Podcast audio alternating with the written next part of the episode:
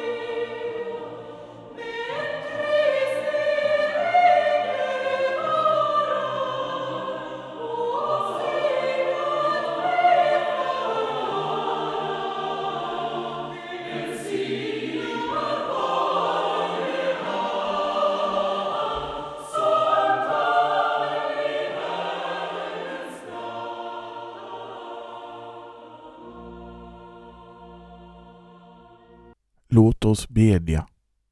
Uti din nåd, o Fader blid, från nu och till evig tid.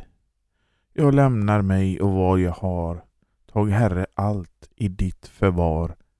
Amen. Vi läser dagens heliga evangelium som är hämtat från Lukas evangeliets fjärde kapitel, verserna 16 till och med 23. Så kom Jesus till Nasaret, där han hade vuxit upp. På sabbaten gick han till synagogan, som han brukade.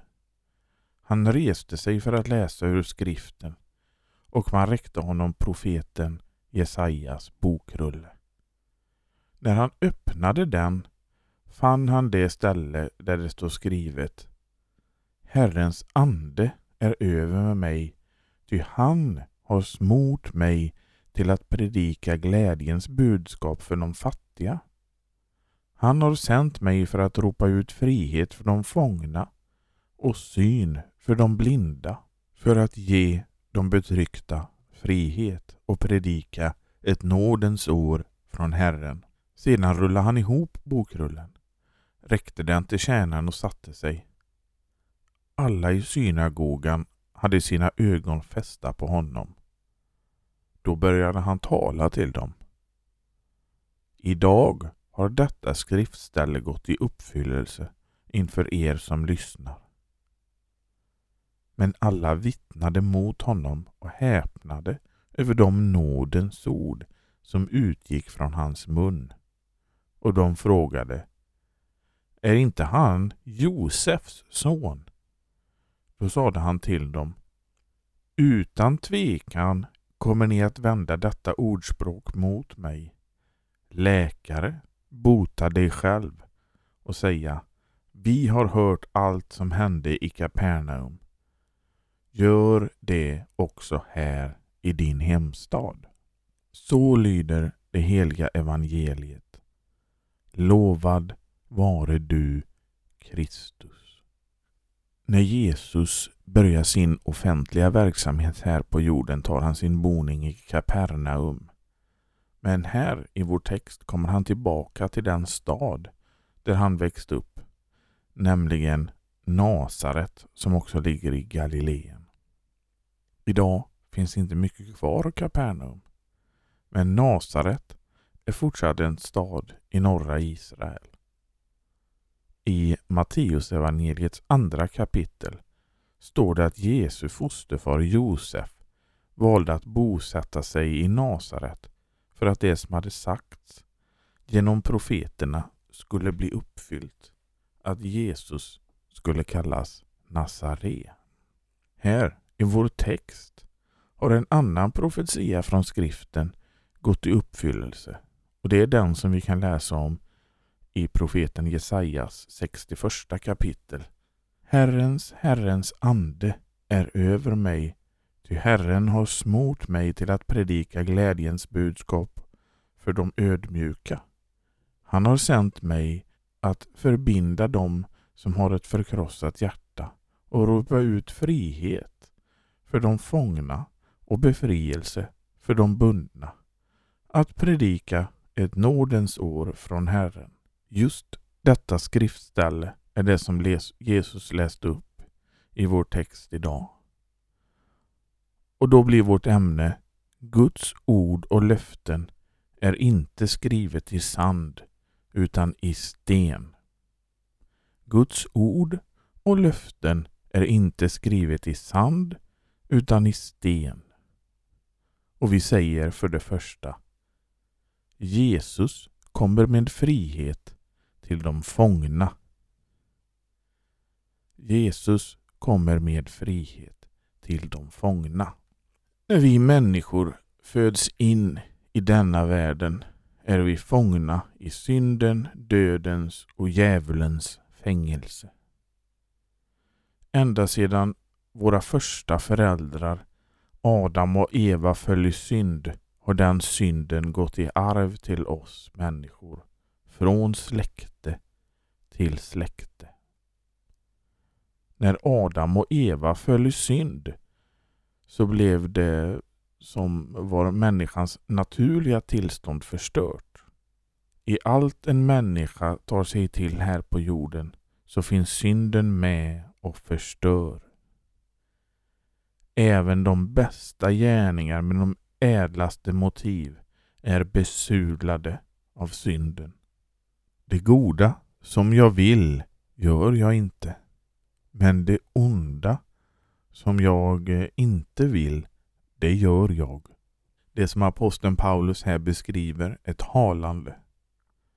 En människa kanske vill göra det som är gott, men hon kan inte.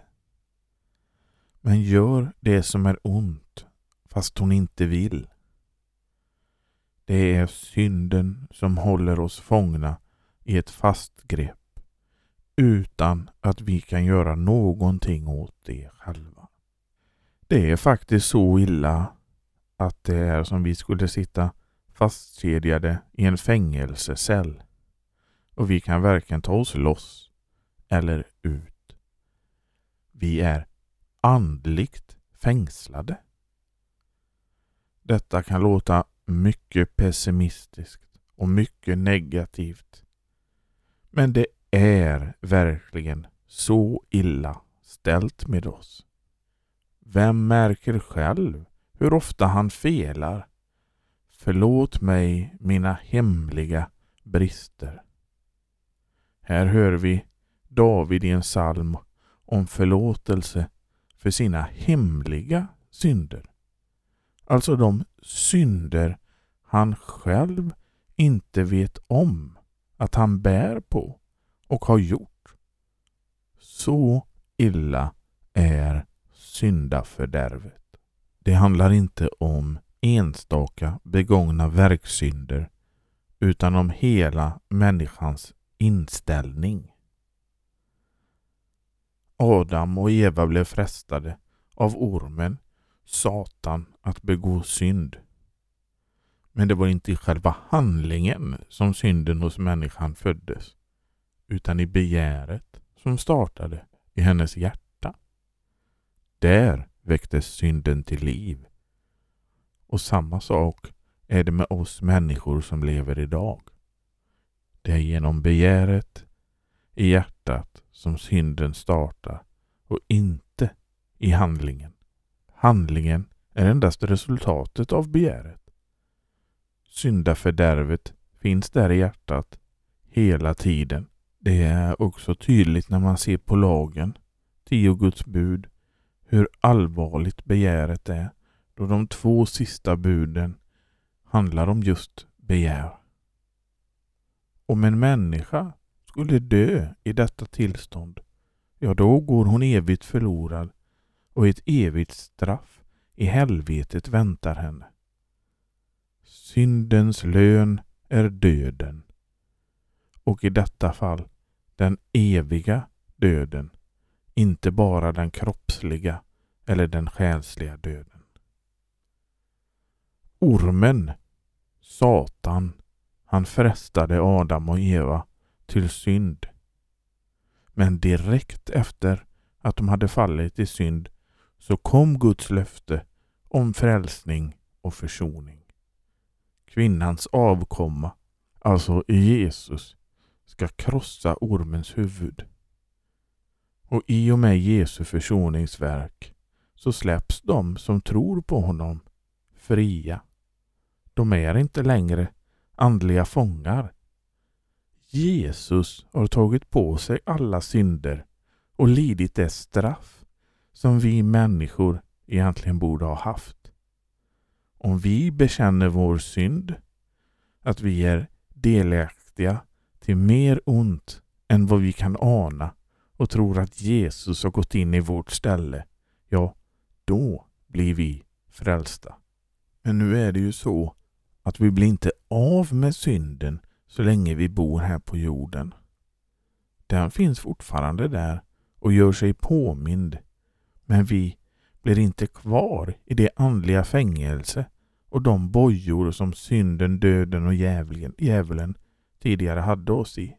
Om vi säger att vi inte har synd bedrar vi oss själva och sanningen finns inte i oss. Om vi bekänner våra synder är han trofast och rättfärdig så att han förlåter oss våra synder och renar oss från all orättfärdighet. Om vi säger att vi inte har syndat gör vi honom till en lögnare och hans ord är inte i oss. Straffet kan inte längre skrämma oss för vi vet att Jesus redan har tagit på sig det. Den som tror på honom blir inte dömd, men den som inte tror är redan dömd eftersom han inte tror på Guds enfödde sons namn. Satan, vår onde hemske fiende, kommer fortsatt att fresta dem som är sanna kristna. För det är just hos dem som är kristna, hos Guds barn, som han försöker uträtta sitt onda, listiga verk. De andra, de har han ju redan i sitt rike. Men den som står fast och varje dag brukar Guds ord ha det starkaste skydd som finns mot att återigen hamna i det andliga fängelset. Den som tror på honom blir inte dömd. Med den vetskapen, vem kan då sitta i ett andligt fängelse? Men Gud har lovat och lovar frihet åt de fångna och han håller vad han har lovat och står fast vid sitt löfte. Och vi säger för det andra, Jesus kommer med syn till de blinda. Jesus kommer med syn till de blinda. Skriften lär oss att Jesus verkligen kunde få blinda att se. Till och med de som hade varit blinda sedan födseln. Men alla människor börjar blinda, nämligen andligt blinda. Aldrig någonsin har man hört att någon har öppnat ögonen på någon som var född blind. Men det har Jesus gjort Och det gör han fortfarande. Det är synden som gör att vi inte ser. Vi är blinda för det fördärv vi besitter och för det straff vi drar på oss. Vi ser inte konsekvenserna utan är verkligen andligt blinda.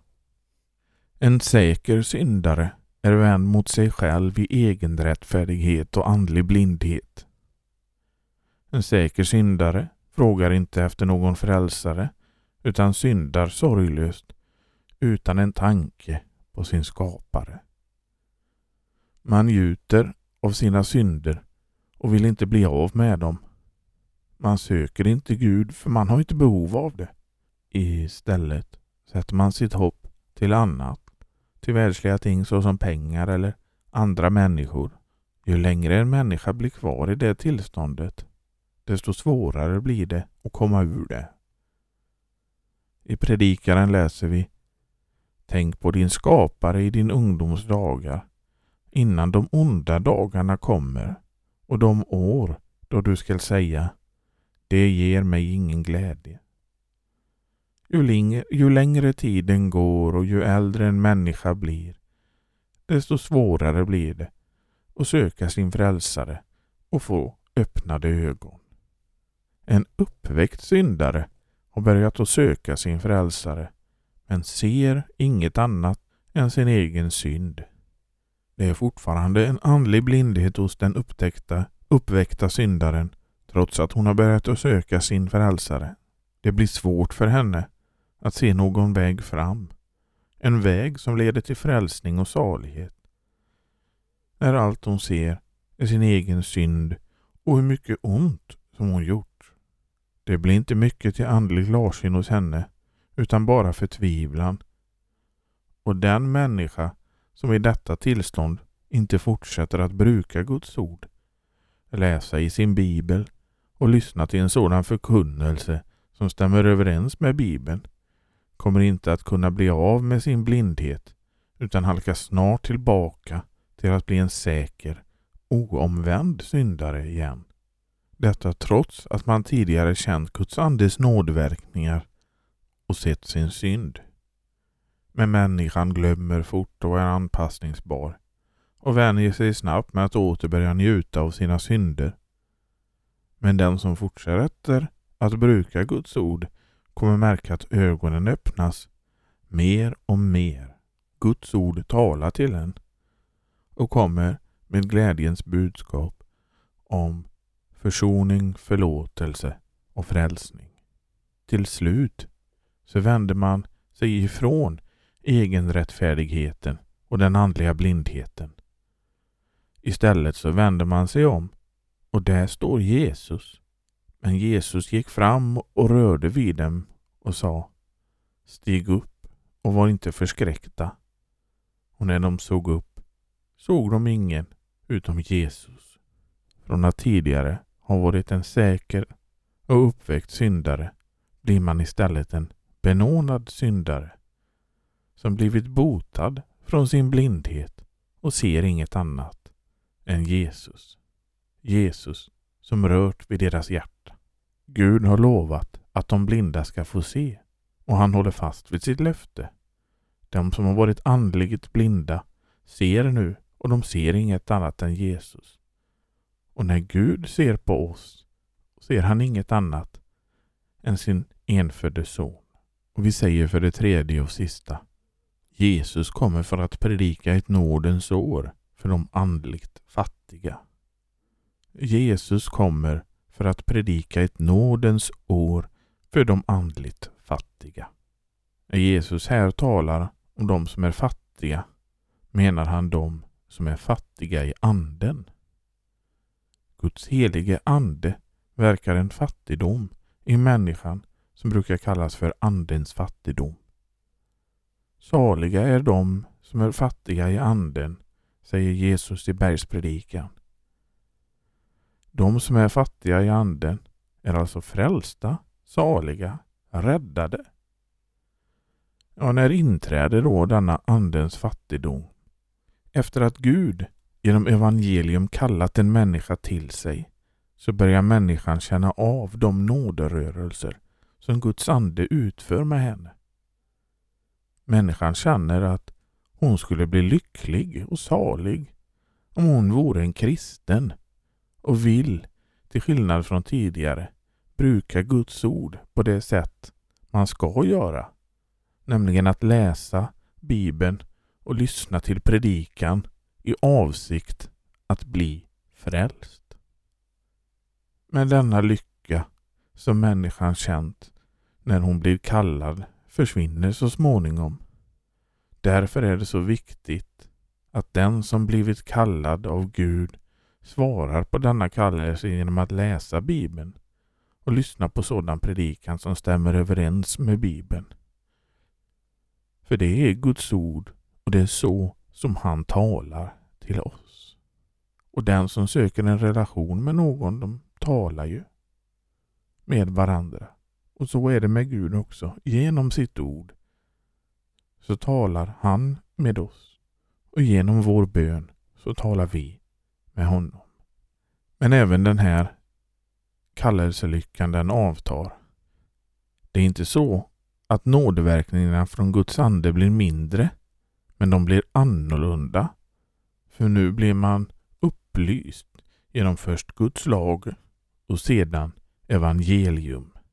I det som man kan kalla den första upplysningen av lag och evangelium så förstår man att Gud har en lag som han vill att vi människor ska följa. Men vi kan inte följa den och därför har Gud sänt sin enfödde son till jorden för att han, alltså Jesus, ska försona människornas synder. Detta är det glada budskapet, evangeliet. I det som man kan kalla den andra upplysningen så förstår människan att detta gäller just henne. Det är hon som har brutit emot Guds lag och inte kan hålla lagen hur mycket hon än försöker. Man börjar sörja över sina synder och ser att man har gjort så mycket ont mot Gud som bara vill en allt gott och det går inte att göra någonting själv för att förbättra situationen. De nådeverkningar man tidigare har känt är borta.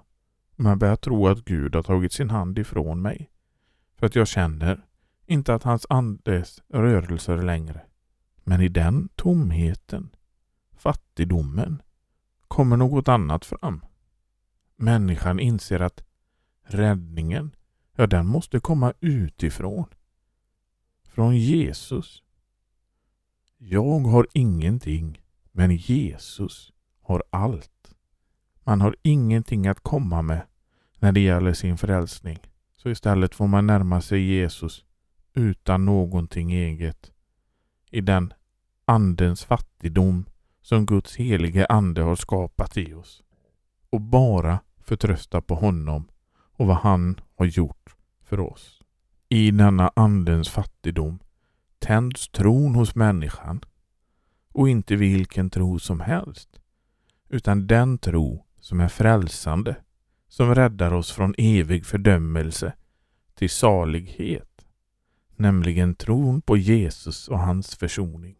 Att han har gått in i vårt ställe, tagit på sig alla våra synder och det straff som vi har gjort oss förtjänta av.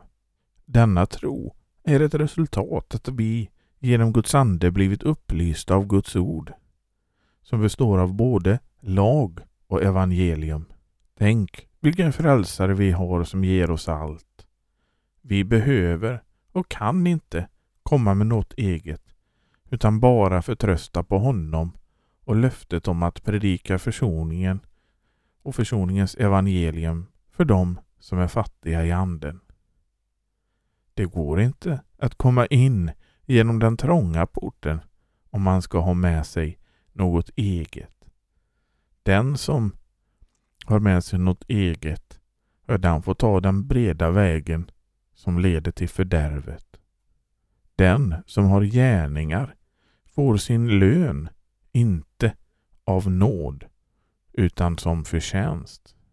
Men den som utan gärningar tror på honom som förklarar den ogudaktige rättfärdig. Han får sin tro tillräknad som rättfärdighet. Ja, detta skriver aposteln Paulus i Romarbrevets fjärde kapitel. Detta löfte står fast intill den dag Jesus kommer tillbaka och hämtar hem sina egna till evigt saligt liv i gemenskap med honom. Saliga är de som är fattiga i anden, till himmelriket tillhör dem. Nu börjar ett nytt nådens år. Bered därför en väg för Herren och låt honom komma in i ditt liv och i ditt hjärta. Hans löften är inte skrivna i sand utan är skrivna i den starkaste sten och står fast i all framtid. Och tar du emot honom och tror på honom kommer han enligt sitt löfte att göra sig dig till sitt barn och du blir frälst och efter den kroppsliga döden spendera evigheters evighet tillsammans med honom och alla andra frälsta kristna i himmelen. Amen. Lovad vare Gud och välsignad i evighet, som med sitt ord tröstar, lär, förmanar och varnar oss. Må hans heliga Ande stadfästa ordet i våra hjärtan så att vi inte blir glömska hörare utan dagligen växer till i tro, hopp, kärlek och tålamod intill ändan och blir saliga genom Jesus Kristus, vår Herre. Amen. Och vi ber också den bön som Jesus själv har lärt oss. Fader vår som är i himlen. Helgat var det ditt namn. Tillkommer ditt rike. Ske din vilja så som i himmelen, så och på jorden. Vårt dagliga bröd giv oss idag och förlåt oss våra skulder, liksom vi har förlåtit dem som oss skyldiga äro. Och inled oss icke i frestelse, utan fräls oss ifrån ondo. Ty riket är ditt och makten och härligheten i evighet. Amen.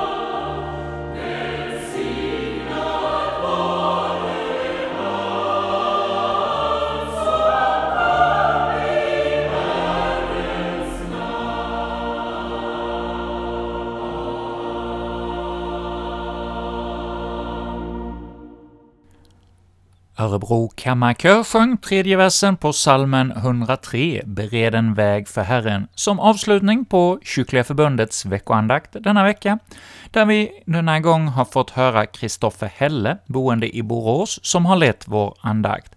Och ni är alla hjärtligt välkomna att återigen här om en vecka lyssna till en ny andakt, då inför andra advent.